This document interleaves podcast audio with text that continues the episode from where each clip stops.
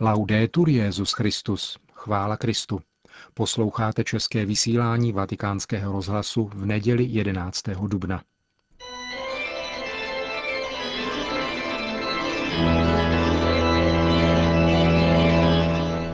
Církev a svět. Náš nedělní komentář. Připravil a hovoří Ondřej Krajtl.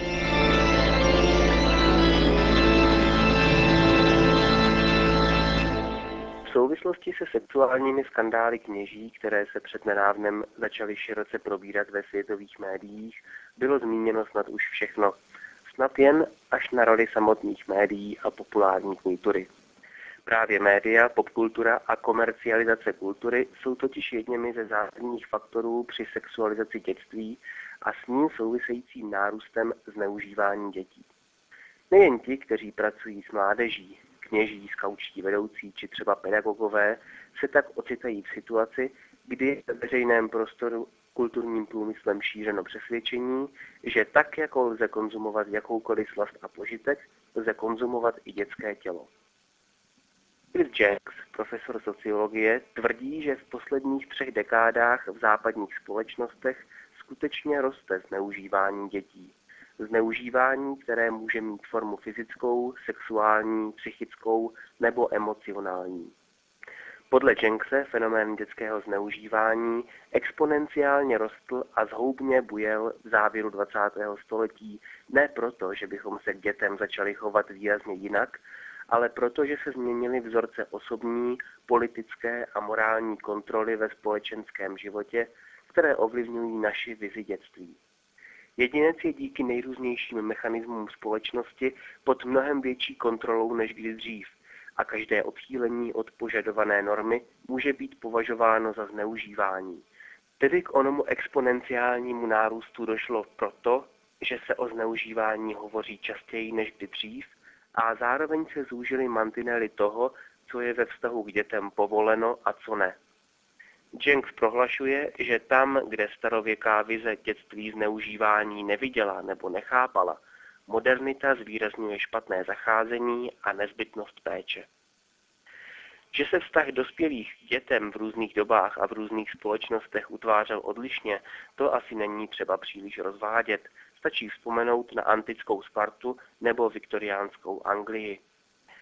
Jenks při pátrání po mytologii dětského zneužívání odkazuje dokonce až na příběh bájné Médeji, která zavraždila vlastní děti. Z tohoto mýtu lze opět dovodit, že zneužívání dětí dospělými je tak staré jako lidstvo samo. Je to neodstanitelný rys vztahu dítě dospělý, neboť každý z nich má jinou moc a společenské postavení. Zneužívání dětí není ani věcí minulosti, ani ničím původním. Je to konstantní rys lidských společenských vztahů, tvrdí sociolog Jenks. Pro úplnost dodejme, že silou, která nejvíce v lidské historii ovlivnila onen konstantní rys vztahu dospělých dětem, bylo křesťanství. Od jasně formulovaného Ježíšova učení až po takové drobnosti, jako je propagace kolébky a odděleného spaní dětí a rodičů v raném středověku. I když bychom výše naznačenou Jenksovu tezi přijali, přesto lze argumentovat, že dnes žijeme cosi nového, originálního, v dějinách dosud nevýdaného. Sociologové tento nový stav západní společnosti označují s opatrností sobě vlastní bez hodnotících znamének jako kinderkulturu. Kinderkultura je stav, kdy se stírají rozdíly mezi dospělými a dětmi, obě dosud oddělené kategorie se sobě přibližují a zbližují, lze stále obtížněji stanovit, kdo a proč je ještě dítětem a kdo už ne. Děti přebírají chování dospělých, dospělí dětinští. Právě v kinderkultuře hraje významnou úlohu sexualizace dětství. Jedním z jejich prvků je například odstraňování rozdílu mezi oblečením dětí a dospělých. Platí, holčičky vždycky chtěly být jako máma, ale teprve popkultura a komercionalizace dali této snaze institucionalizovaný, masový a průmyslový charakter. Pokud se dětem prodávají módní trendy dospělých, vede to nevyhnutelně k předčasné sexualizaci především u dívek, které v šesti, v sedmi letech docházejí do školy v lesklých kozačkách, síťovaných punčochách, krajkovém spodním prádle a s dětským make-upem na tváři, potvrzují školní pracovníci. Publicista a teoretik médií Douglas Raškov ve svém devět let starém dokumentu The Merchants of Cool zachycuje soustředění 12 a 13 letých dívenek v bikinách, které doufají, že na přehlídkách prorazí a udělají kariéru v modelingu díky tomu, že vypadají na 17 a či jim 13. A nemusíme mluvit ani o soutěžích typu Minimis či Miss Maminka, které zábavu pro dospělé, promenáda v plavkách, posouvají na věkovém žebříčku stále níže. Nejde jen o módní, oděvní či estetické trendy. Před pár lety vysílala britská televize pěveckou soutěž, v níž si velmi úspěšně vedla šestiletá dívenka. Bodovala mimo jiné z písní I Will Always Love You, kterou proslavila Whitney Houston v romantické love story Osobní strážce. A zdá se, že nikomu nepřišlo divné, když předškolní holčička před kamerami pěl o hořkosladkých vzpomínkách na společně prožité chvíle a o tom, že někoho hodlá navždy milovat. Naopak, publikum se mohlo uslzet a utleskat, jak to bylo rostomilé. Samostatnou kapitolou jsou pak filmy a televizní seriály, které tvrdí, že jen zachycují skutečný život dětí a mládeže. Ve skutečnosti jde, tak jako v celé popkultuře, o začarovaný kruh dvou zrcadel, kde jedno odráží druhé a nikdo nedokáže říct, co je originál a co je kopie. Případy sexuálního zneužívání dětí jsou odporné a v případě duchovních, kteří se dobrovolně zavázali k čistotě, zvláště zavržení hodné. Ale upřímně, trávením volného času a utrácením peněz, tedy konzumací jisté části médií a popkultury, k tomu přispívají všichni.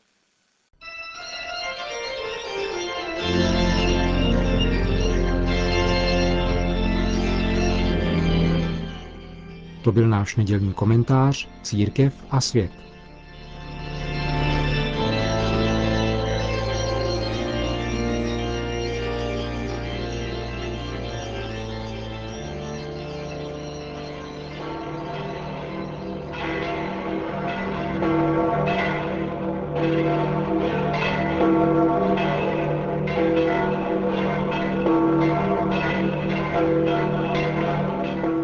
Tisíce lidí si přišli vyslechnout polední promluvu Benedikta XVI. a pomodlit se spolu s ním velikonoční mariánskou modlitbu Regina Celi, a to i přesto, že museli vážit 30-kilometrovou cestu do Castel Gandolfa, kde papež pobývá od minulé neděle.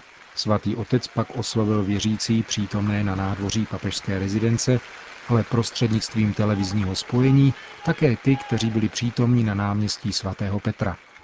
E Drazí bratři a sestry, dnešní nedělí se končí velikonoční oktáv, jenž je jakoby jediným dnem, který učinil pán a vyznačuje se důrazem vzkříšení a radostí učedníků z toho, že viděli Ježíše. Již od starověku je tato neděle nazývána in albis, z latinského alba, bílá, což poukazuje na tehdejší zvyk, kdy nově pokřtění oblékali o velikonoční vigílii bílý šat a odkládali jej po osmi dnech, tedy dnes. Ctihodný Jan Pavel II. dal této neděli titul Božího milosedenství u příležitosti kanonizace sestry Marie Faustýny Kovalské 30. dubna roku 2000. Pasáž z Evangelia svatého Jana, která se čte tuto neděli, je plná božské dobroty a milosedenství. Podává, jak Ježíš po zmrtvých vstání navštívil učedníky, když prošel zavřenými dveřmi večeřadla. Svatý Augustín vysvětluje, že zavřené dveře nezabránili vstupu onoho těla, ve kterém přebývá božství. Ten, který se narodil a ponechal netknuté panenství matky, mohl vstoupit do večeřadla zavřenými dveřmi. A svatý Řehoř Veliký dodává, že náš vykupitel se po svém skříšení ukázal v těle, jež je neporušitelné a hmatatelné, ale v oslaveném stavu. Ježíš ukazuje znamení svého utrpení a dokonce nechává nevěřícího Tomáše, aby se jich dotknul. Jak je ale možné, že učedník může pochybovat?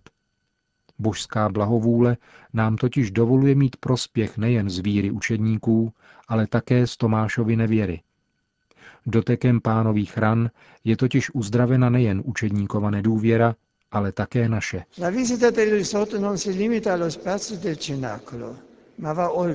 Návštěva vzkříšeného se neomezuje na prostor večeřadla, ale přesahuje ho, aby všichni mohli obdržet dar pokoje a života z tvůrčího dechu. Ježíš skutečně dvakrát řekl učedníkům pokoj vám a pak dodal, jako otec poslal mne, tak já posílám vás.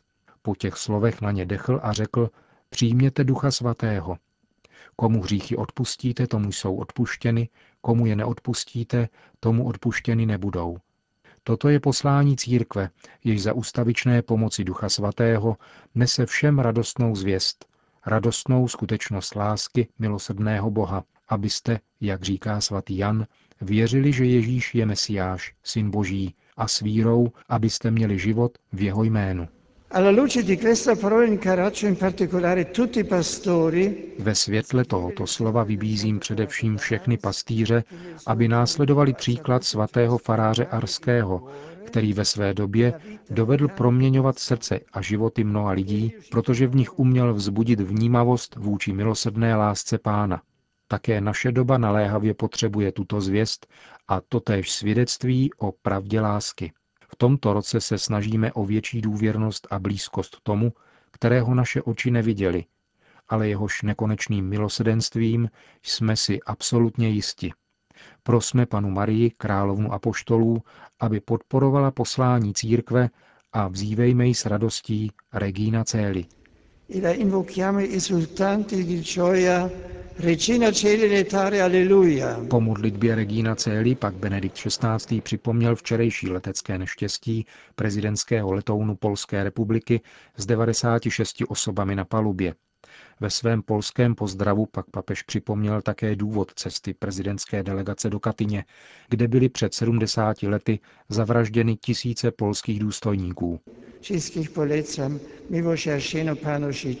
Všechny je svěřuji milosrdnému pánovi života ve spojení s poutníky, kteří jsou zhromážděni ve svatyni Božího milosedenství v Lagevnikách, spolu s poutníky Božího milosedenství na celém světě.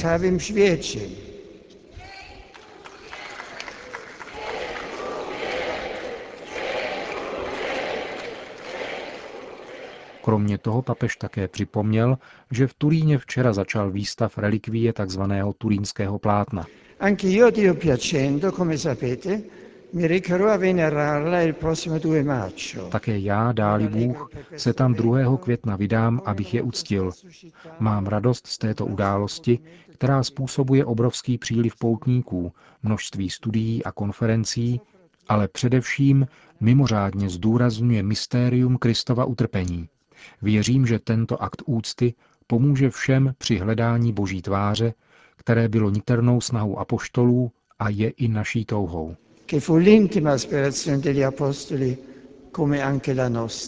Na závěr pak Benedikt XVI. všem požehnal. Sit nomen Domini benedictum, ex hoc nunc et usque in saeculum, adiutorium nostrum in nomine Domini, qui feci celum et terra, benedicat vos omnipotens Deus, Pater et Filius et Spiritus Sanctus.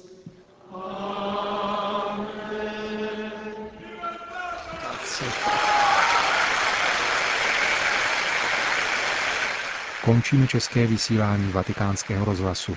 Chvála Kristu. Laudetur Jezus Christus.